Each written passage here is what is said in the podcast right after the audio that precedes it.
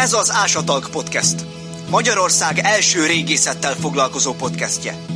A mikrofonnál Pillik Bertalan és Sós Bence.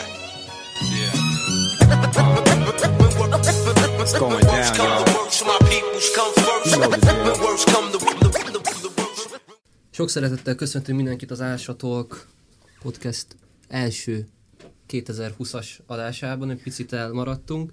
Ö, ennek az adásnak a vendége dr. Rácz Zsófia, az LTBTK Régészettudományi In- Intézetének nép, népvándorlás és középkori régészeti tanszékének oktatója, egyetemi adjunktusa. Köszöntjük a műsorban tanárnő. Köszönjük szépen, hogy mindenkit. elfogadta a meghívásunkat. Kérdés? Kérdés meg. Igen, most, most felteszem a kérdést, Berci, hogy hozták kérdést. Hoztam kérdést. Minden adás elején van egy ilyen találós kérdésünk, amit felteszünk a, a vendégeinek, és a, és a mostani kérdés kapcsolódik az adáshoz is, ami pedig az, hogy a, a legrégebbi ö, ö, mesterséges koponyatorzítást ö, mikortól datálják. Tehát, hogy ö, mennyi idős a legrégebbi. Hát jó régi.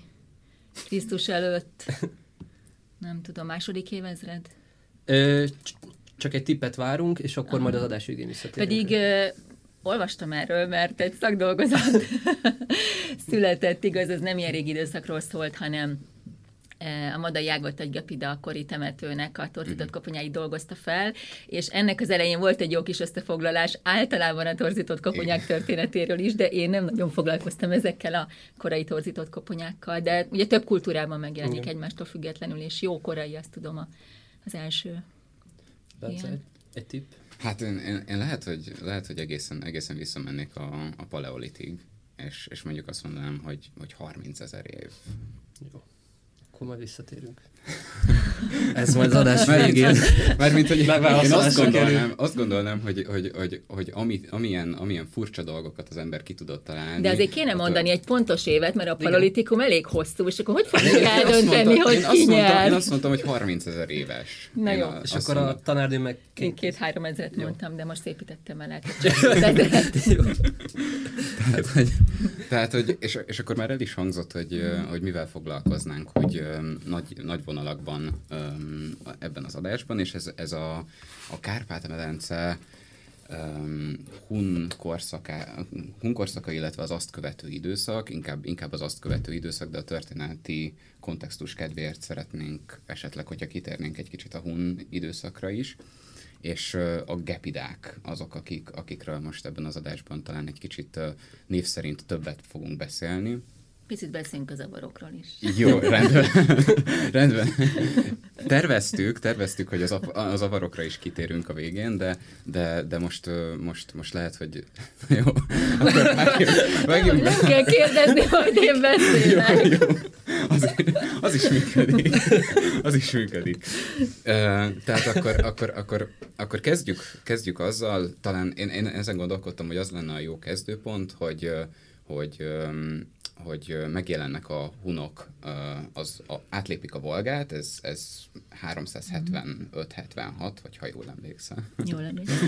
és, és utána, utána, utána meg tulajdonképpen Pannónia felé veszik az irányt, illetve a Kárpát-medence felé, és, és e, velük öm, velük jönnek is, meg, meg vannak, vannak olyan népek, akik már itt vannak, vannak olyan népek, akik miattuk inkább elmennek, és hogy, hogy itt ez a Kárpát-medence mondjuk etnikai képét, vagy, vagy hatalmi képét er- erősen átalakítja ez a, ez a, ez a, ez a nép, vagy ez a, ez a kontingens, és, és hogy, hogy akkor ezt, ezt hogyan kell elképzelni. Hát először is azt le kell szögezni a legelején, hogy a hun korszak az tényleg egy ilyen világtörténelmi jelentőségű korszak a Kárpát-medencében. Tehát ha csak azt nézzük meg, hogy hogy mondjuk Attila környezetének milyen a kapcsolatrendszere, vagy kik indulnak innen el, akik aztán különböző helyeken jó kis karriert futnak be, akkor az, az elképesztő. Tehát ha megnézzük az utolsó nyugatrómai császárt, ugye Romulus Augustus vagy Augustulus, akkor az ő édesapja Orestész is Attila környezetéből kerül ki, vagy aki utána következik a trónon, Odoaker, ugye ő is Edik a Szkír királynak a fia, tehát innen indul a Kárpát-medencéből, vagy aztán Nagy Teoderik szintén itt nevelkedhetett Panóniában. Tehát csupa olyan név, akik nagyon fontos szerepet játszottak, és innen Attila környezetéből indulnak el. És hát nem is beszélve a számtalan kora középkori királyságra, ugye a gótoktól elkezdve a vandálokig, akik hát fontos szerepet játszottak a következő évszázadokban. Szóval ez tényleg egy nagyon fontos időszak, és hát azért nem volt annyira rövid az út, ami, ami idáig vezetett, valóban, ahogy mondta, 370-es években lépik át a Volgát, és akkor ugye sorban egy ilyen dominóként először az alánok területeit foglalják el, aztán a Gót birodalom, Ermanarik birodalmát igázzák le, és ugye ezt akkor úgy kell elképzelni, hogy a leigázott területeknek a hadrafogható embereit akkor besorolják maguk közé, tehát mind hun segédnépek lesznek. És ugye egy ideig az Aldunánál sejtjük a, a központjukat, és csak jóval később, a 420-as években teszik át a, a, a Hun ordut, a Hun központot a Kárpát-medencébe. Ez kicsit azt is mutatja, hogy korábban inkább a kelet-római területek felé érdeklődtek, később pedig már a nyugat-római területek is a látószögükbe kerültek, és ennek megfelelően, tehát a nyugati orientáció szerint nyugata, egyre nyugatabbra tolódik az ő az ő központjuk. Tehát ez egy ugye egy sztyeppei alapokon szerveződő birodalomról van szó, tehát ez is egy, egy igazi újdonság itt a Kárpát-medencében, hogy itt alapvetően egy sztyeppei szerkezetről van szó, és hát ezt kell a, aztán a helyi viszonyokra alakítani, mert ugye itt találnak különféle letelepedett népeket, akik, akiket szintén besorolnak a, a, a saját rendszerükbe és a saját birodalmukba. Ugye itt etnikumokról kérdezett, a Kárpát-medencében ekkor számolni kell egy nagyobb ö,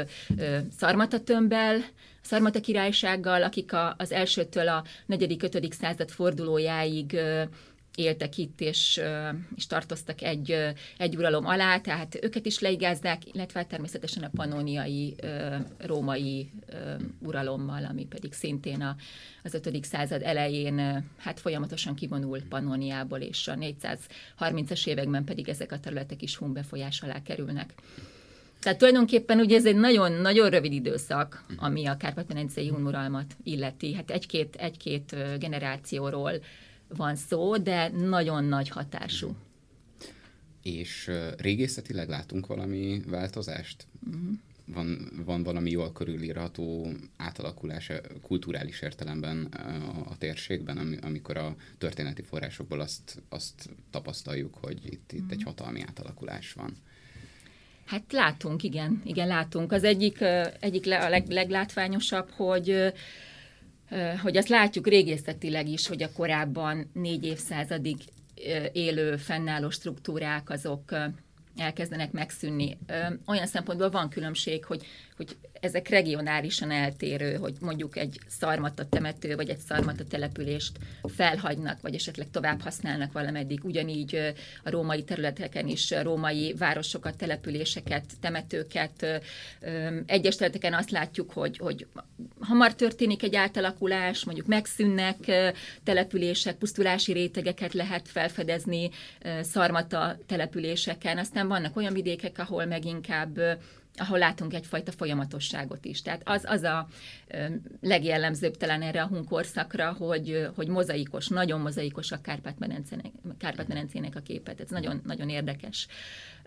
Ami ugye, ezt mindig szokták kérdezni, hogy, hogy a hunokat, magukat mennyire lehet itt látni, meg, meg megtalálni, és akkor mindig mondjuk, hogy hát nagyon, nagyon nehéz, mert hát valószínűleg elsősorban egy, egy jól szervezett, nem, nem is feltétlenül annyira nagy számú hadseregről van szó, látjuk, hogy mennyi fajta, fajta segédnéppel.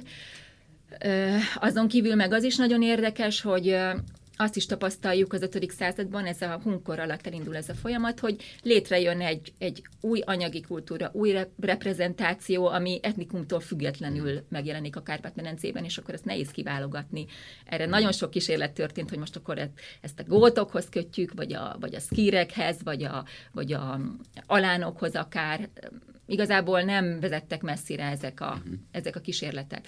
Amit amit azért jó eséllyel lehet belső Ázsiához, vagy belső Ázsiáig, Ázsiáig vinni, vagy oda kötni, azok bizonyos temetkezési szokások például, vagy, vagy ez a hun áldozati leleteknek a, a köre, ugye ez egy ilyen speciális valószínűleg temetkezési szokáshoz köthető dolog, hogy azt látjuk, hogy hogy nem sírokhoz kapcsolódóan, hanem attól külön értékes tárgyakat rejtenek el, ezek vagy magjára felhalmozott részben megégett, vagy pedig nem megégett tárgyak, ugye ezek nagyon gazdag együttesek is lehetnek, mint a Szeged Nagyszéksósi, vagy a Panonhalmi, vagy a Bátaszéki, vagy a, a Pécsi Szögi, vagy az új Telki lelet együttes. ö, Tehát ez például kifejezetten egy olyan szokás, ez a halotti áldozat, ö, áldozati leletek köre, amit belső Ázsiáig lehet kötni. De vannak egyszerűbb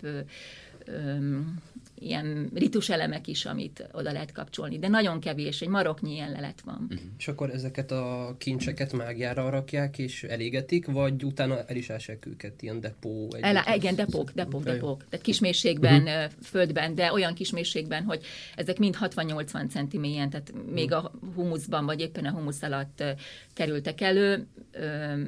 Általában ugye nem, nem ásatáson, hanem földmunka, vagy szőlőmunka. Igen, tehát ez a leghíresebb, amiről talán sokan hallottak, ez a Szeged Nagyszéksósi kincs, ami ugye Móra Ferenc is közreműködött ennek az előkerülésénél, ez kb. 200 aranytárgyból áll, ami szintén így több helyről, már valószínűleg szé- szétszántva is került elő.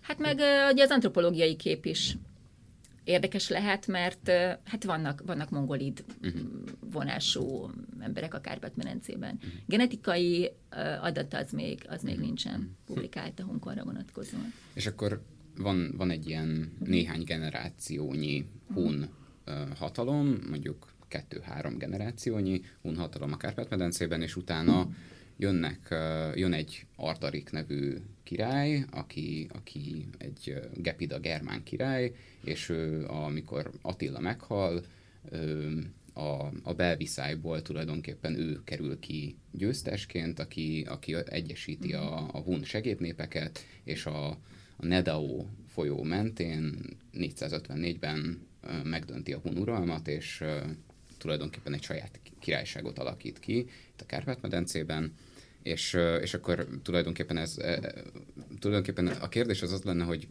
menjünk egy kicsit visszább is, hogy, hogy, hogy, hogy a gepidákról hogy, hogy mit tudunk, honnan jönnek, és hogy, hogy ők hogyan kapcsolódnak a, a hun időszakhoz, meg tényleg kik azok a gepidák, mert hogy, hogy a, a, Jó gótokról, a gótokról tudjuk, hogy ők fölégetik Rómát, nem tudom, a, a vandálok köznevesültek, de a gepidák egy, Hát egy igen, biciklit erről pont kaptak. beszéltünk és- nemrég, hogy, hogy, hogy a, ezt a, a Bona István, ugye én az ő, ő tanítványa Mhm. uh-huh. vagyok, tehát én fő- főleg a különböző népvándáskori korszakokat tőle hallgattam, és ő mondta a gótokkal kapcsolatban, hogy hát milyen jó történeti érzékük volt a saját magukkal szemben, mert akárhányszor birodalmat alapítottak, mindig így mondta, hogy nyakon csíptek egy rómait, hogy írja meg a történetüket, és hát ezek fönnmaradtak, vagy részletekben fennmaradtak, és ezért jól ismerjük a, a gót történetet, sőt, a Gepida korai történetét is, hát főleg ezekből a forrásokból ismerjük, hogy a legfontosabb név az Jordánész,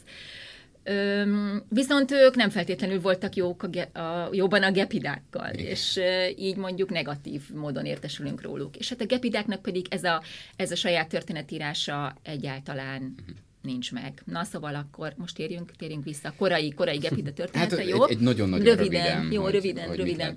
Öm, Mondjuk, hogy mit jelent a nevük, hát, hogyha már a, igen. a brandépítésről van szó.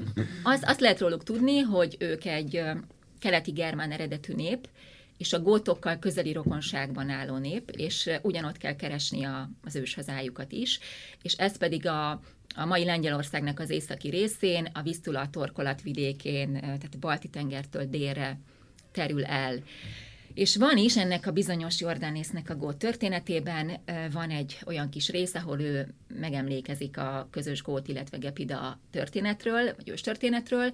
Ő azt írja ugyanis, hogy ők Skanza szigetéről, Skandináviát jelent, innen jönnek át három hajóval, azonban az a hajó, amiben a gepidák utaztak, az lemarad, és szerinte innen is ered a gepidáknak a neve, mert hogy ez azt jelenteni, hogy, hogy, hogy lusta, tehát lemaradtak, később érkeztek oda arra a helyre, amit elneveztek Gotis Skanzának, vagyis a Gót Skanzának, és ez pedig ezt a Visztula torkolatvidéki ö, területet illeti. Tehát Jordánész szerint így érkeztek volna meg, és hát szerinte jogos is az elne- elnevezés, mert a gepidák tényleg azt mondja, hogy, hogy la- lassú észjárások és, és lomhák. Igen.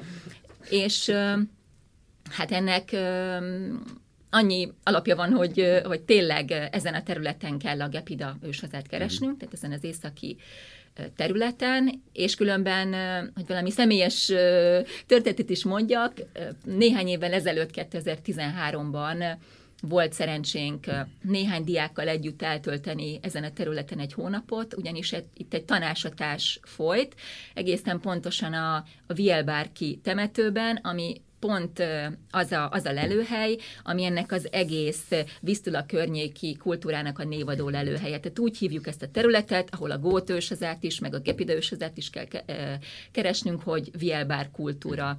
És itt ugye az 1920-as, 30-as években már német vezénylettel folyt egy nagy feltárás, 2000 sírt, főleg hambasztásos temetkezéseket tártak fel, csak sajnos a második világháborúban ez a leletanyag, amit amúgy Malborgban, ez a Wilberg melletti nagyon szép városka ott tároltak, megsemmisült a leletanyag, sokáig azt hitték, hogy a dokumentáció is elveszett, azonban egy német régész Jörg Kléman rábukkant a, a, a dokumentációra, és építette erre egy tanásatást, hogy hitelesítsük a régi Wilberg ásatásokat, és hát még újabb sírokat is keressünk, vagy találjunk hozzá, és tehát erre egy három éves projekt ö, indult, és ott kint, kint voltunk egy, egy hónapig, és hát nagyon érdekes volt ilyen császárkori hamvasztásos Wilbár kultúrás ö, temetkezéseket ásni, és tényleg végül is hozzám is sokkal kö- közelebb került ez a korszak, mert ugye előtte is tanítottam, hogy hát kellett, hát népvándorláskoros volt a Wilbár kultúráról, de, de ez így, így sokkal jobb volt, hogy ezt láthattuk is. Szóval ez az a terület, ahonnan ahonnan kiszakadtak a gepidák is, és ugye hát innen indul el a gótvándorlás is, azt tudjuk, hogy ez a, a, a második, harmadik század fordulóján ők délkeleti irányba ö, indulnak, és a Fekete-tengertől északra alapítanak végül birodalmat. Viszont azt nem tudjuk, hogy mi van a gepidákkal. És erre nézve több elmélet van, ugyanis Van két forrásadat, ami arra enged következtetni, hogy lehetséges, hogy ők már a harmadik század második felében megjelentek itt a Kárpát-medencében. Egészen pontosan arról van szó, hogy tudunk egy gepida gót ö, összecsapásról, ez feltehetően a rómaiak által felhagyott Dáciának a, a birtoklásáért folyt. És uh, ugye ismerjük ezt a harmadik század második felében élt királyukat is, egy Fastida nevű uh, uralkodó, az első Gepida király, akit név szerint uh, ismerünk, és a Bona István úgy gondolta, és nekünk így is tanította, hogy ebben az időszakban, tehát a harmadik század végétől kell itt már a Kárpát-medence északkeleti szegletében Gepida jelenléttel számolnunk. Uh-huh. És akkor innentől kezdve egészen pontosan a negyedik században ö, itt kiterjed az ő településterületük, lassan hát délre vonulnak, vagy egyre nagyobb területeket hódítanának meg, tehát ő már a negyedik században egy elég masszív Gepida jelenléttel számolt a Kárpát-medencében. Na most az a baj, hogyha a régészeti leleteket, leleteket megnézzük, akkor igazából nincs ennek nyoma, tehát nincsen egy olyan nagyobb leletanyagnak nyoma, amit egy gepida tömb, egy ö, Visztula Tolkat vidékéről megérkező népességhez tudnánk kapcsolni. Egészen egyszerűen ni- nincsen olyan se temetőanyag, se településanyag, amit mi kifejezetten gepidákhoz kapcsolnánk. Tehát azt látjuk, hogy ugye itt a szarmata kell számolnunk, illetve egészen a Kárpát-medence észak-keleti részén Ö, Már a, a második század második felétől egy vandál jelenlétről is van szó, de hogy ehhez gepidákat társíthatnánk, az, az, az nincs meg. Hát ami, ami a biztos pont, ahogy mondta is, hogy a hunoknak a segédnépét alkotják, tehát az 5. század első felében valahogy egy ilyen kapcsolatnak létre kellett jönnie, és hogy a 440-es években Attilának az egyik legfontosabb embere az egy Gepida király, és ő a következő, akit név szerint ismerünk, Ardarik. Tehát tulajdonképpen a Fasztida harmadik század hmm. végi uralkodó, illetve a 440-es években Ardarik között nem ismerünk semmit. Tehát van egy 150 éves hiátus. És ugye akkor itt föl lehet tenni azt a kérdést is, hogy, hogy a harmadik századi gepida az mennyire jelenti mhm. ugyanazt, mint az ötödik század mhm. Közepi gepida. De hogy tehát, hogy az a lényeg, hogy mondjuk a negyedik századból nem nagyon tudunk semmit róluk, amíg mondjuk a, a gótok, bizánci császárokat ölnek, addig, addig... Igen, ez egy, ez, egy, ez, egy, ez egy nagyon fontos szempont, ezt, ezt kihagytam, hogy azért a római források, hogyha itt különböző, akkor is, hogyha ha nem a, a birodalmon belül vagyunk, hanem itt a, a kicsit keletre, vagy északra beszámolnak azokról a, a népcsoportokról, amelyekkel találkoznak, akár konfliktusba kerülnek, és hát valóban mhm. gotokról bőven esik szó, de a gepidákról van egy, van egy nagy ilyen üres, mhm. üres rész, üres terület. És a most én vagyok a uh-huh. népvándorlás laikus ebben az adásban. Meg én. Jó, azért a Bence öt évig tanult népvándorláskor.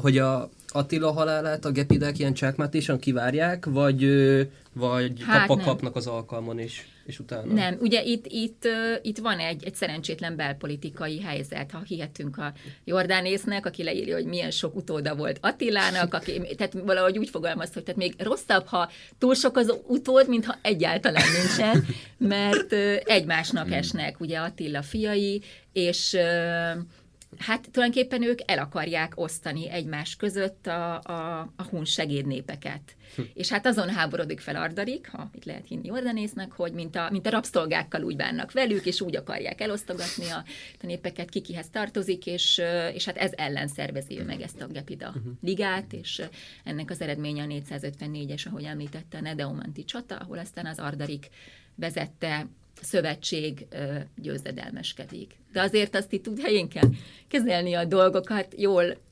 szerintem jól fel lehet mérni ezeknek a birodalmaknak, vagy államalakulatoknak a, a súlyát, olyan szempontból, hogy, hogy mennyire tartottak tőlük a, a rómaiak. És ugye a hunok esetében tudjuk, hogy hogy a végén már ilyen 2000-2100 font tributumot, adót fizetnek nekik évente azért, hogy hogy hát nyugta, békén, békén. hagyják őket, és azért 2100 font, azt mennyi egy font, ez 300, tehát az egy ilyen 700 kiló mhm. arany egy évben, és a, a a gepidák pedig ennek, tehát amikor Ardarik létrehozta a gepida királyságot, és ezt elismerik a rómaiak, akkor ennek a huszad részét kapják meg. 100 fontot. Szóval azért nagy különbség. Én szeretem a repidákat. nagy, nagy különbség van a kettő között. Ja, és akkor az nagyon fontos még itt kiemelni, hogy tehát, hogy létrejön Ardarik vezetésével a Gepida királyság, de valahogy bennem az egyetemen, meg utána is az, az a kép alakult ki, hogy akkor van egy ilyen gepida tömb, ami ott elindul a Wilbár kultúrától, így halad, és akkor az a 5. század második felétől itt akkor van ez a gepida tömb, amíg meg nem jönnek a zavarok, de itt igazából az a lényeg, hogy, hogy ez a humbirodalom népessége, amit az Ardarik egy királysággá szervez, és ez is érdekes különben a Gepita korszak indulásánál, hogy ha megnézzük, hogy a különböző népvándorláskori népeket, az mindig, vagy korszakokat újabb népcsoportok, etnikumok bevándálásához kötjük. Tehát a hunkor is így indul, a langobárd korszak is így indul, az avarkor is, a honfoglaláskor is, de igazából a Gepida időszakban egy uralomváltásról van szó. Tehát Ardarik, aki amúgy is itt segít, ő szervezi át, és itt ugye nem az egész Kárpát-medencére terjed ki az uralom, hanem a Tiszavidékre, a korábbi Dácia provinciára, tehát Erdélyre és a Szirmium környékére egy ilyen hármas tömb alakul ki. És akkor egy ügyes, ügyes ugrás, hogy ebből a 100 font aranyból látunk-e valamit régészetileg, hogy, hogy van-e valami, ami, ami, ami, ami, ami így, igen, tehát ami, látunk-e valamit abból, hogy mondjuk a, a mi, vannak olyan leletek, amik ehhez, az, ehhez a Gepida központhoz, uralomhoz kötődnek. Hát ugye vannak a népvándorláskorban ilyen aranyban nagyon gazdag korszakok, és hát a legfontosabb ilyen az a hunkorszak, tehát az ötödik század abszolút, ahol hát a legjobb példa a, a szikáncsi kincs, ami egy hatalmas nagy éremkincs, és ott több mint ezer darab 5. századi romai pénz került egyben elásásra. De hát az előbb említett áldozati leletek is, mint a Szeged Nagy tehát rengeteg mennyiségű aranyat tartalmaznak. Aztán ehhez lehet párhuzamnak hozni különben a korravar korszakot is, ahol szintén nagy mennyiségű bizánciád, az mérhető különben a korravar időszakot, ott nem súlyban kapják, mert ugye a hunok azok súlyban kapják, az avaroknál Tárgyak? a darabszám, darab, ja. tárgyakat is kapnak igen. amúgy, igen, igen, ez is jó, de... Öm, igen, leveszem. Az ja. öreg. Nem, az így pont jó volt, hogy így belelógottam. Engem csak a hang. Uh, igen, ez a, a avarok azok... Bocsánat Solidus terapot, tehát azt ott is tudjuk, hogy a végén már 200 ezer Solidus kapnak évente, az is nagyon, az is sok száz kiló, kiló arany. És, és ez tükröződik azért a temetkezésekben. Hát vannak, akik számolgattak súlyokat egy-egy, egy-egy leletegyüttesben hány kiló arany van, persze ez inkább hány, hány gram arany. Tehát az 5. században, igen, amit kérdezett a hunkorban, nagyon látszik. És akkor az a helyzet, hogy még az 5. század második felében is látszik, női sírokban is, férfi ö, temetkezésekben is, aztán a 6. század azért az egy, az egy szegényesebb képet mutat. Szóval szerintem ezt így le lehet követni, és hmm. ez, ez, ez tényleg kapcsolódik ilyen egészen egyszerű dologhoz, hogy mennyi arany érkezik a hmm. Kárpát-medencébe. És igen, hát a korai gepidakori leletek közül pedig ez az apahidai hmm. királysír együttes világlik ki, ugye Kolozsvár közelében Erdélyből és ez, egy ilyen híresebb lelet együttes. És ez, ez, ez van valami mondjuk határozott ok, hogy ezt miért hívjuk királysírnak, vagy, vagy uh-huh. tehát hogy itt lehet mert szeretnék valahova eljutni, csak nem én szeretnék kimondani esetleg. Hogy, hogy, én, hogy, én, hogy én elmennék Kilderikig, de, de Aha, hogy... Nem, hát akart, meg is, tehát szívesen megemlítem, tehát nem tudom, Akkor, hogy az elején, elején, elején kezdjem, vagy azoknak is, akik életükben nem hallották azt a szót, hogy apahida. Tehát ezen, a, ezen a, az erdélyi településen előkerült két nagyon gazdag fejedelmi jellegű temetkezés. Az egyik az 1880-as években, a másik pedig a 1960 körül ezek nagy mennyiségű aranytárgyat tartalmaztak, égkőberakásos, ilyen piros gránátkőberakásos aranytárgyakat, az első de római edény is volt, római tárgyak is, fibula, ezüstedények, tehát tényleg két nagyon szép silleletről van szó. És ezek egyrészt nagyon jó folytatását jelentik, annak a, annak a hunkori elit reprezentációnak, vagy elit kultúrának, amit itt már láttunk az 5. század első felében is. Tehát ilyen szempontból igenis van egy, egy folyamatosság, vagy folytonosság a, a, az 5. században. Ami viszont érdekes módon a legjobb párhuzamát jelenti ennek az apahidai fejedelmi síregyüttesnek, az ugye Európa másik végén került elő, ez a belgiumi turné települése mellett, ezek, ez a híres Hilderik, vagy Hilderik sír. Tehát itt pedig egy frank uralkodóról van szó, aki a, az 5. század második felében élt, ugye elég jól lehet így 480 körülre tenni ezt a, a, a temetkezést, és ezt azért kötik ehhez a, a frank uralkodóhoz, aki különben Klodvig Meroving királynak volt az édesapja, tehát a Meroving dinaszti alapítójának volt a, az édesapja, mert előkerült egy, egy névgyűrű is ebben a leletben, amin rajta volt a Hilderi királynak a neve. És, és feltételezhetően nem véletlen. Igen, és ráadásul volt egy csomó pénz is, ezüstpénzek, meg aranypénzek is voltak ebben a lelet együttesekben, és ott is volt egy, azt hiszem, egy 476-os terminus postkemet adó, tehát egy akkori verető érme, amit meg szintén nagyon jól lehetett ugyanehhez. a- Tehát minden stimmel, a terület, az idő, a gazdagság, ugye ebben a, ez egy nagyon érdekes lelet együttes olyan szempontból is, hogy hogy egyszerre vannak benne germán típusú tárgyak, mondjuk germán fegyverek, harcibalta, és római típusú tárgyak, hatalmi szimbólumok is, amiket kifejezetten úgy nyerhetett el Hilderik, hogy ő, ő része volt a, a római hierarchiának is. És ehhez a leletegyütteshez nagyon hasonlítanak az apahidai királyságok, királysírok. Tehát ez a formálódó meroving király vagy kultúrának vagyunk a legelején, és nagyon szoros kapcsolatban lehet ezt a két leletegyüttest hozni. Persze ennek ugye az lehet az oka, hogy itt a tárgyaknak egy jelentős része Rómára megy vissza, tehát onnan nyert presztis tárgyakról és hatalmi szimbólumokról van szó. Persze egymással is kapcsolatban állhattak a Gepida, vagy a germán királyi házak, és kapcsolatban is álltak egymással, de ez a fajta reprezentáció az kifejezetten a, a római kapcsolatoknak köszönhető.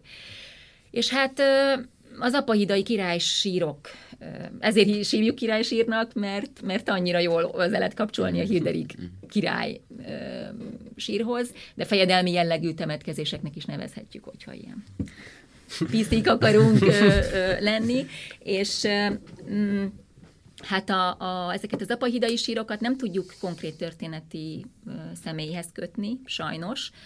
Viszont ö, az első sírban volt egy, egy, itt is egy névgyűrű, illetve egy monogramos gyűrű, amit el lehet olvasni, féleképpen elolvasták, ö, meg Omaharusnak ö, legújabban, és ezért így is hívják ezt a sírt, hogy Omharus sír, és talán, talán egy ilyen nevű uralkodó vagy előkelő ember nyugodott ebben a sírban. Tehát akkor mondjuk ez a sír, vagy ezek a sírok, amik itt ö, Apahidánál előkerültek, feltételeznek egy erdélyi központot, Igen. És, és akkor mondjuk a, a, a történeti források utalnak arra, hogy a gepidák azok nagyon szerették Szirmium környékét, Mhm. tehát hogy ezt a, a, a mai Észak, Észak-Szerbia térségét, és hogy, hogy feltételeznek ott is egy, egy, egy központot, és ennek, ennek a központnak, illetve mondjuk a, a Délalföld vidékének vannak-e hasonló ö, jellegzetes ö, gazdag temetkezései, vagy itt, itt, itt hogy néz ki az a, az a kép, ami, ami a Gepida királysághoz köthető uh-huh. régészeti Hát vágy? olyan, mint az apahida, olyan nincs több. És itt ö, azt is ö, el kell mondani, mert ezt talán nem mondtam, hogy tehát ezt elég jól lehet keltezni ezeket a leleteket, mint az apahidai sírokat a, az 5. század harmadik negyedére. Tehát közvetlenül a, a hunkorszak után vagyunk. És, ö, és ez, tehát ez erre, erre a korai időszakra jellemző. Aztán a későbbiek során ö, hasonló jellegű reprezentációval nem találkozunk. Azt látjuk inkább a, a, a Tiszavidéken, vannak például olyan lelőhelyek, ahol mondjuk sűrűsödnek a, a fegyveres temetkezések, tehát nagy számban kerülnek elő ö, fegyveres sírok, vagy különösen szép fibulás női sírok, de azt a nemes fémgazdagságot, ami, ami az Apahidán előfordult, azt a hatodik században nem, nem, nem tapasztaljuk már. Más jellegű leletanyag. És a fejedelmi temetkezésektől, és picit kanyarodjunk el a, egy másik témához, a női és a gyerek temetkezésekhez, ami a, hát, amit a tanárnő a habilitációjában is említett. És ö, manapság szitok szó, de a gender kérdés ebben a, ebben a, régész, a régészeti kontextusban már mennyire meghatározható. Tehát vannak olyan női sírok, amiket mondjuk úgy temetnek el, mint hogyha férfi feküdne benne a sírban. Nem, nincsenek. Viszont ö, akkor kicsit, kicsit tágabban kezdtem el, jó? Mert nem, mert nem mindenről beszéltem, ami, ami így szerintem fontos Jó, itt az 5. rendben. 5. század során. Ö, az nagyon fontos, mert kérdeztem még az előbb, hogy, hogy, hogy van-e, mennyire van váltása a, a szarmataromai, illetve a, a hunkor között, hunkor, hunkor korszak között, és az egy nagyon fontos, ez a női sírokhoz kapcsolódni fog, nem fogok teljesen eltérni, hogy, hogy, hogy tehát új temetkezési szokások uh-huh. is megjelennek az 5. században. Például nagyon jellegzetes lesz a magányos sírok, kis sírcsoportok. Az egész Kárpát-medencét erről is született egy nagyon jó szakdolgozat, különben a kis szakdolgozat, igen. Aki összeszedte az összes ilyen, ilyen, ilyen jellegű lelőhelyet, és, és tényleg azt látjuk, hogy egy sír, két sír, három sír nagyon gyakran fordul elő tényleg Erdélytől a, a, a Bécsi medencéig. Tehát megszűnnek, vagy részben megszűnnek a nagyobb temetők, szarmata temetők, római temetők vannak, olyanok, amelyeket tovább használnak, de nagyon sok megszűnik, és helyette ezek a kisebb települési egységek és kisebb temetkező egységek jelennek meg. De ez is egy érdekes kérdés, hogy ez mi, miért van így az 5. században, mi korábban azért látjunk a nagy temetőket, ugye később is Gepidakorban, Avarkorban nagy temetőket. Ennek is több oka lehet. Az egyik, hogy hogy hát valószínűleg eléggé megcsappan a, a népesség az 5. században éppen a viharos helyzetnek is köszönhetően, tehát kevesebb a leletanyag, kevesebb ember élhet itt, mint, mint korábban a szarmata és a római korban, az 5. században. Akkor sok az ilyen kisebb, tanyaszerű település, és akkor ez, e, ezekhez kapcsolódó ilyen kisebb temetkező egységek. Tehát több oka lehet ennek, de ez egy nagyon látványos képe a, a, az 5. századnak. És akkor ebből nő majd ki az 5. század második felében az, amit pedig úgy hívunk, hogy a soros temetőknek a kultúrája, tehát ezek a nagyjából sorokba rendezett sírokról van szó, amelyek aztán igazából Európa nagyon nagy részén megjelennek itt a, a, a római kor után, és a Gepida korra is ez lesz a jellemző.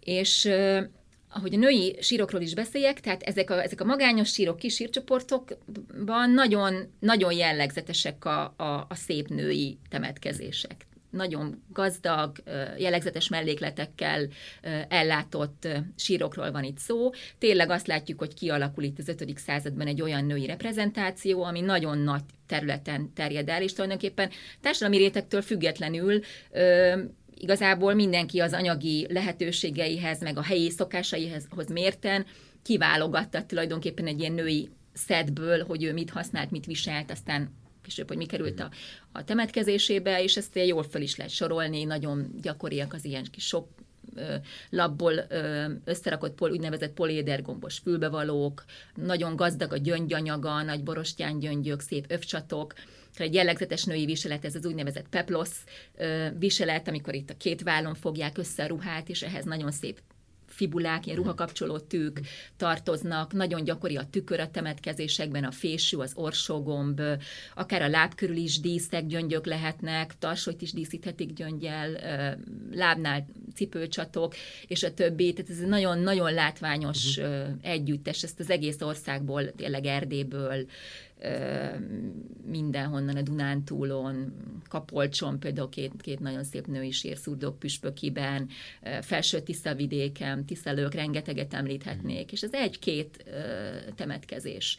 És amikor én elkezdtem ezekkel a női sírokkal foglalkozni, akkor megmondom őszintén, hogy egyáltalán nem gender szempont miatt ö, kezdtem el, hanem egyszerűen azért, mert nekem az volt a fő kérdésem, hogy hogy, hogy mi a helyzet a Hunkor és a Gepidakor között. Tehát kulturális átalakulással, vagy kell egy kulturális töréssel számolnunk, mit látunk. Ha temetkezéseket nézzük, akkor mit látunk a temetkezési szokások és a tárgyak vizsgálata alapján. És azért választottam ki a női sírokat, mert annyira jellegzetes, gazdag a leletanyaga, hogy úgy láttam, hogy ez egy ilyen mintacsoport lesz nekem, amin keresztül az 5. századi átalakulást tudom vizsgálni. És különben, hogy még egy kicsit visszamenjek, hogy hogy jutottam egyáltalán ehhez a témához, mert ezek nekem soha nem se úgy jönnek, hogy na, kezdjünk el 5. századi női sírokkal foglalkozni, hanem, hanem úgy jött, hogy a hogy még, még a 2000-es évek közepén a, a, az intézettel, a Szabó Gábor tanár föltártunk egy, egy Gepida kori temetőt Hajdunánáson, és ez egy 71 néhány síros gepidakori temető, és amikor elkezdtem ezt a temetőt feldolgozni, különben ennek a feldolgozása igazából a habilitációs témám, csak nem ebből adtam elő múlt csütörtökön. Szóval akkor azt tapasztaltam, hogy ennek a temetőnek az a sírja, amit ilyen alapító sírnak tudok meghatározni. Tehát nagyon gyakran látjuk azt a népvándáskori temetőkben, hogy, hogy a, a legkorábbinak meghatározható sír az egyben mondjuk a leggazdagabb, vagy legtöbb tárgyal ellátott temetkezés is. Tehát itt is a, a legjobb sírja a temetőnek az egy ö, torzított koponyás, milyen mongolid vonásokkal rendelkező, a temetőhöz képest gazdagon felszerelt fiatal női temetkezés volt. Uh-huh. És igazából, hogy elkezdtem párhuzamokat keresni ehhez a sírhoz, akkor arra jöttem rá, hogy a, a hunkori magányos sírokban, meg kis sírcsoportokban lehet megtalálni a jó párhuzamait, hiszen ez ugyanúgy egy gazdag gyöngyanyaggal, tükörrel, polédergombos fülbevalóval, két nagy fibulája nem volt, lemezfibulát, nem ismerünk ilyen, ilyen tipikus nagy hunkori fibulákat soros temetőkkel, de tehát egy olyan, olyan sír volt, és mindez, mindez a, egy gepidakori temetőnek az induló sírja, ami teljesen elmenne egy külön álló hunkori ö, temetkezésnek. És akkor innen jött ez az ötlet, hogy hát akkor meg kéne nézni, hogy most itt, mert ugye én nem, én alapvetően a varkoros régész vagyok, tehát én tényleg véletlenül kezdtem el foglalkozni a, a, a, a gepidákkal. Tehát, hogy a fejemben volt ez a gepida tömb, és akkor itt volt ez az, ez, a, ez az alapító hölgy, és hogy valamit ezzel a, ezzel a helyzettel kezdjek. És akkor azt tapasztaltam, ahogy tehát az volt a módszerem, hogy összeszedtem a Kárpát-medencéből igyekeztem minden publikált női temetkezést, ami legalább két mellékletet tartalmazott, összegyűjteni, és végignézni, hogy milyen ezeknek a tájolása, sírnak a kialakítása, milyen viselet, milyen melléklet együttes található ezekben, van-e torzított koponya, nincs, és a többi. És akkor ez alapján az jött ki, hogy, hogy itt nem egy ilyen nagy snittel kell számolnunk az 5. század közepén, hogy vannak a hunkorban inkább ez, ez a kis magányos sír, kis sírcsoportok, és olyan egy snit is elindulnak a soros temetők, hanem a soros temetők korai sírjai és a, és a korábbiak között nagyon szoros kapcsolódási pont van. Tehát inkább egy folyamatos átalakulás hmm. jellemzi a Kárpát-medencét, akár a tájolásban, hogy a korábban kedvelt észak-dél, még korábban szármateknek dél-észak, az folyamatosan átalakul, és mindenhol nyugat-keleti lesz, és a soros temetőkben már csak a nyugat-keleti tájolást találjuk. Vagy akár a torzított koponyákat megnézzük. Ugye az, az megvan a hunkorszakban, és megvan a, a, a gepida korszak elején is. Tehát ez is összeköti ez a szokás, hogy a kisgyerekeknek kicsit átformálják a koponyáját, ez, ez is összeköti a két korszakot. Akkor ez a viseleti elem, ahogy mondtam, tehát ez is kialakul a, a 4.-5. század fordulójától 5. század első felében, látjuk még a Gepida kor elején. Tehát ez alapján én erre, erre következtettem, hogy, hogy hogy itt egy folyamatos átalakulással kell számolni, és hogy nagyon, tehát a Gepida soros temetők azok ebben semmi fura nincsen, itt vagyunk a kárpát nagyon szorosan kapcsolódnak a mhm. korábbi korszakhoz. Aztán ö, igazából én itt megálltam, ö, amikor ezzel foglalkoztam ennél, de az valóban egy nagyon jó kérdés, tehát ezzel most kéne elkezdeni foglalkozni, hogy, hogy miért ilyen reprezentatívak a női temetkezések a, az 5. században, amikor ez nincs feltétlenül így. Tehát a 6. században ott van egy, egy váltás a reprezentációban, ott inkább a fegyveres mhm. férfiak a meghatározók, persze az 5. században is vannak fegyveres férfi mhm. csak amik olyan igazán csillogóak, meg látványosak, az sokszor a, mhm. a, a női sír, ö, női sírok, és hát erre is lehet sokféle magyarázatot adni. Ö, például ne, el tudom képzelni, hogy, hogy, hogy lehet-e mögött egy olyanok is, hogy tényleg egy olyan, olyan hát változatos, meg, meg mobil, meg instabil ö, időszakról van szó. Ö, látjuk, hogy mennyi költözéssel, meg, meg háborús eseménnyel, meg változással jár együtt, és és hát ugyanakkor meg valahogy az élethez szükséges alapokat, meg a háztartásokat, azokat fenn kellett tartani, tehát ilyen szempontból nagyobb szerep is, tehát az élet bizonyos területei meg nagyobb szerep is juthatott a, a nőkre. például az a szerep, hogy a koponya... hogy akkor, akkor térjünk át a, a, a, a koponya torzításra, hogy ez, ez Már amennyit Nem. értek a dologhoz, Nem, annyit nem, beszélek igazából, róla. Igazából most engem, ami első, első kérdésként, ami, az első kérdés, amit ezzel kapcsolatban feltennék, az az, Jó, abba vagyok. hogy... Kérdezzek hogy- én. Szóval, hogy, hogy azt, azt, azt szerettem volna megkérdezni, hogy, hogy ez a koponya torzítás ebben a, az 5. századi, 5. Mhm. 6.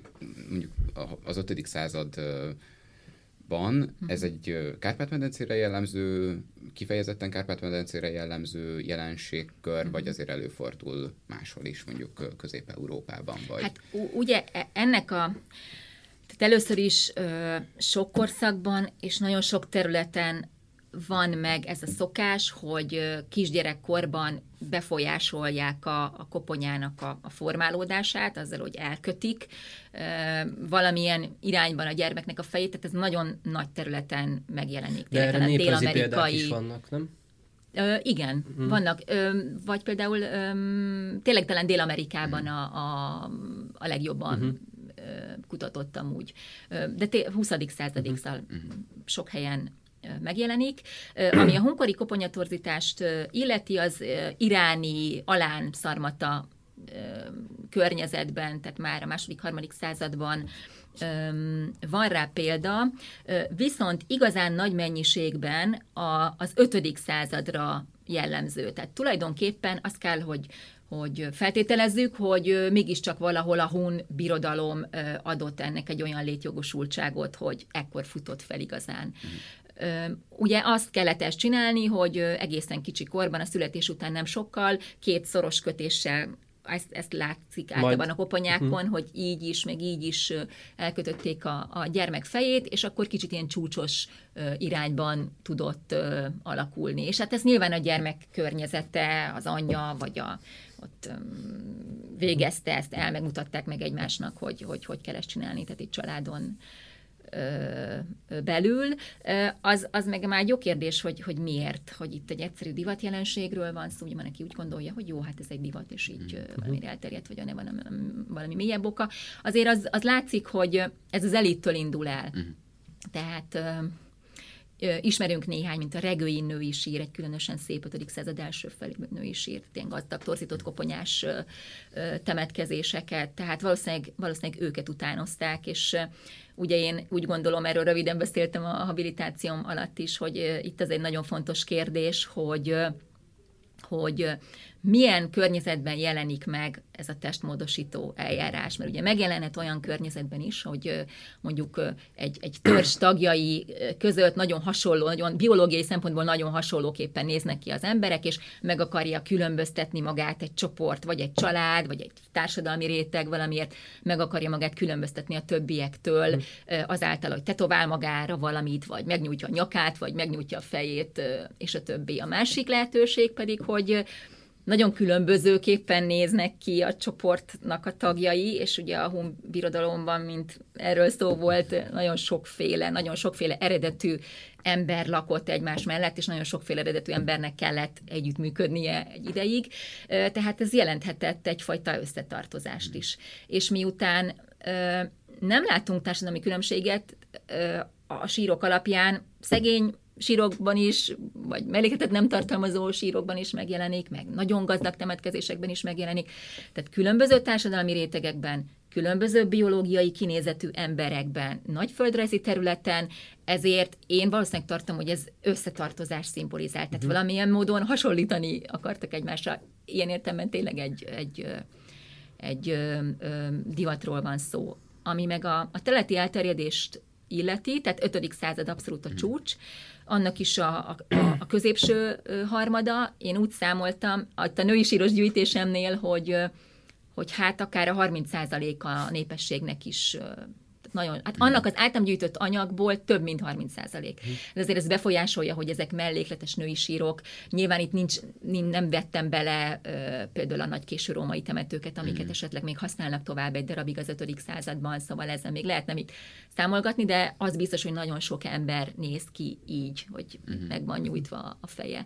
A Gepida korban pedig azt látjuk, a soros temetőkben, hogy nagyon változó regionálisan a kép, vannak olyan lelőhelyek, a Hódmezővásárhely, kis homok, egy szép gepida temető, hogy alig van benne torzított koponya, viszont érdekes módon pont újabb, újabban kerülnek elő olyan temetők, nagyon szép új gepidakori lelőhelyek vannak, ahol pedig nagy számban vannak uh, torzított koponyák, ez az általam előbb emlegetett hajdunánás, ez egy elég szegényes leletanyagú temető, de itt is a, a meglévő koponyák 25%-a volt torzított, akkor újabban a Szolnoki Múzeumnak az ásatása volt a Tiszapüspöki, nagyon szép lelőhely, egy szásíros temető, ott is elég szép számmal vannak mm. torzított koponyák, vagy most az utóbbi egy-két évben került elő a Kecskeméti Múzeum ásatása, a Tiszaugi temető, ott is nagy számban vannak torzított koponyák, tehát elég sok ilyen lelőhely van, és ami nekem az érdekes lesz majd ebben, hogy, hogy a Gepida korszakon belül, ugye az 5. század közepétől a 6. század a barkorig,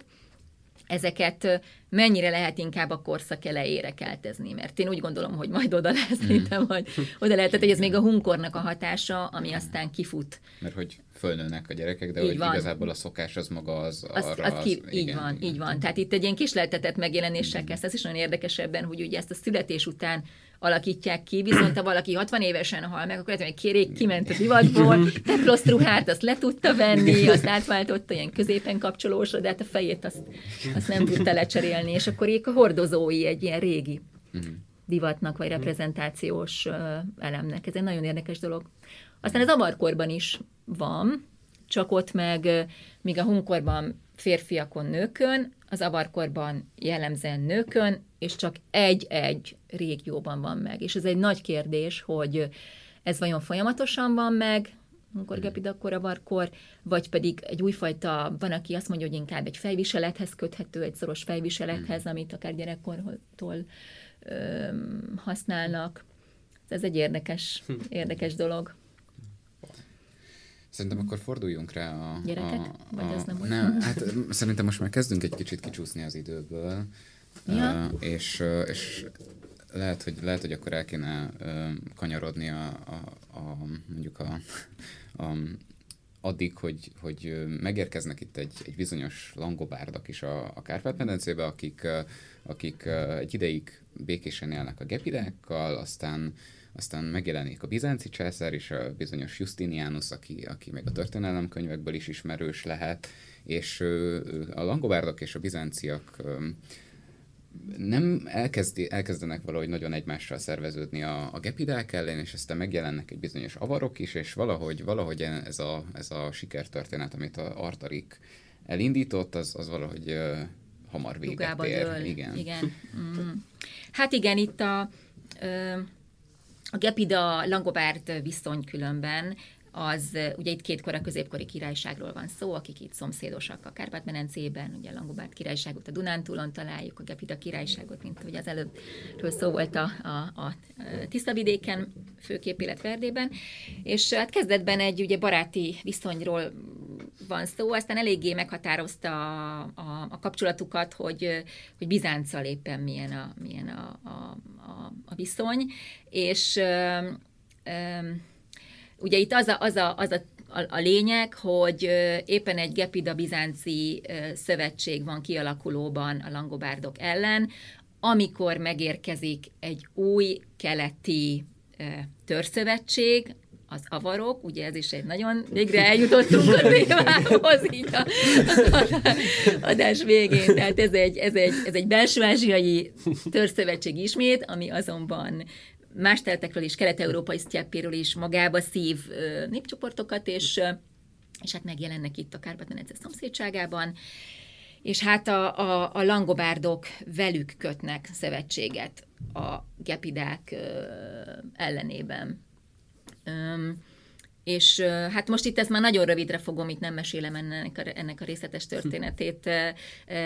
Az a lényeg, hogy ez a, ez a, a, a Langobárd avar szövetség, ez, ez legyőzi a, a Gepida királyságot, és ugye a Langobárdok átadják a, a saját területüket a, az avaroknak, illetve az állomat, állatállományuk egy tizedét, és így kerül aztán 568-ban avarkézbe a, a Kárpát-medence, és ugye akkor a, megint egységes lesz tehát egy uralom alá kerül a, a, a Kárpát-medence a korábbi széttagoltság helyett, ami pedig megint egy teljesen új öm, helyzetet jelent. Hmm. És hát ugye gondolom azt is kérdezné, hogy mi van akkor a gepidákkal, mi történik itt, a- mi történik szerencsétlenekkel, mert a, a, Hát, langobárdok, a langobárdok elegánsan távoznak, és Igen. a, a, a gepidák... Angolosan? angolosan távoznak, bár ugye ez is, ennek is olyan ö, ö, óvatosan ítélik már meg, tehát ö, itt is a- azt kell, hogy mondjam, hogy a Bona Istvántól ö, mi elég határozottan azt tanultuk, hogy a langovárdok húsvétkor összepakolnak, olyan szinten összepakolnak, hogy még a halottjaikat is néha kihozzák, és leszedik az jobb darabokat, és összecsomagolnak, és, és szervezetten ö, távoznak. Ezzel szemben azért vannak ám olyan lelőhelyek, ahol nem lehet ezt a keltezést ilyen, ilyen tisztán leírni, tehát valószínűleg lehet itt langobár népességé számolni, valamint a Dunántúlnak klasszikusan az Észak-Itália fele mutató kapcsolatai, a, a, a Nyugat-Európa fele mutató kapcsolatai nagyon erősek lesznek a kora avarkorban is. Öm, és igen, a gepida népesség pedig, hát itt azt látjuk, hogy er- Erdélyben egészen, egészen egyértelműen vannak olyan területek, mezőbándi temető egy, egy jó példa rá, ahol, ahol a, a gepida időszakban alapított falvak, temetők tovább működnek a, az avarkorban is. Vannak olyan temetkezések, látszik, hogy egy, egy, egy új vezetőréteg oda települ, vagy irányítja a, a környéket, de, de elég sok olyan lelőhely van, amiből számolni kell egy masszív továbbéléssel.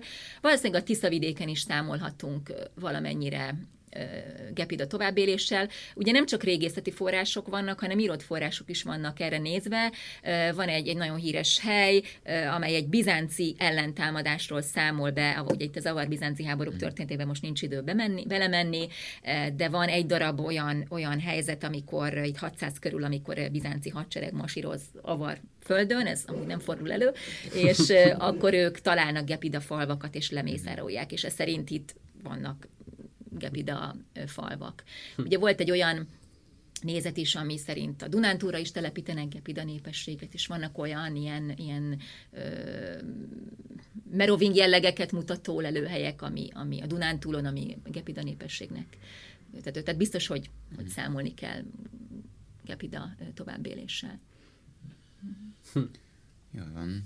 Ö, nagyon szépen köszönjük. Köszönjük szépen. És akkor viszont Ja. a, a, a kérdés, hogy a koponyatorzítás, az, az, az, Jaj, hát még egy valamiről nem beszéltünk. a Gepida projektről.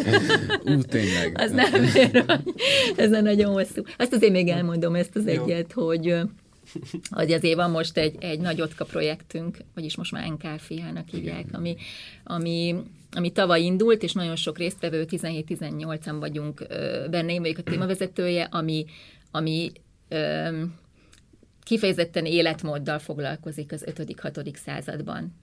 Tehát itt azt próbáljuk megnézni, állatcsontfeldolgozások vannak, nö- növényi maradványok feldolgozása, izotópos vizsgálatok, ö, embercsonton, tehát táplálkozásra vonatkozóan, mobilitásra vonatkozóan, tehát kifejezetten ennek az időszaknak, hunkorszaknak és a gepida korszaknak ezt a, a, az életmódra vonatkozó képét próbáljuk ö, kinyerni igazából ez a jövő.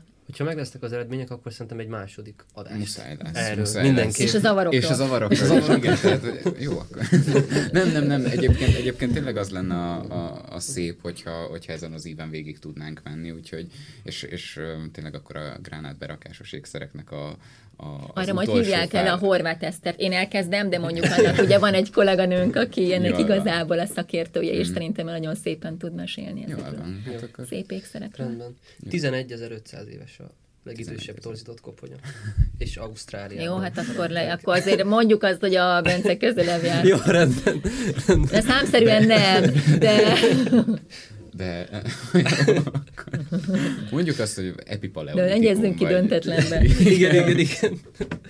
Ö, nektek Ja. pedig köszönjük, hogy meghallgatotok minket, és remélhetőleg még ebben a hónapban, de nem biztos, még találkozunk. Sziasztok!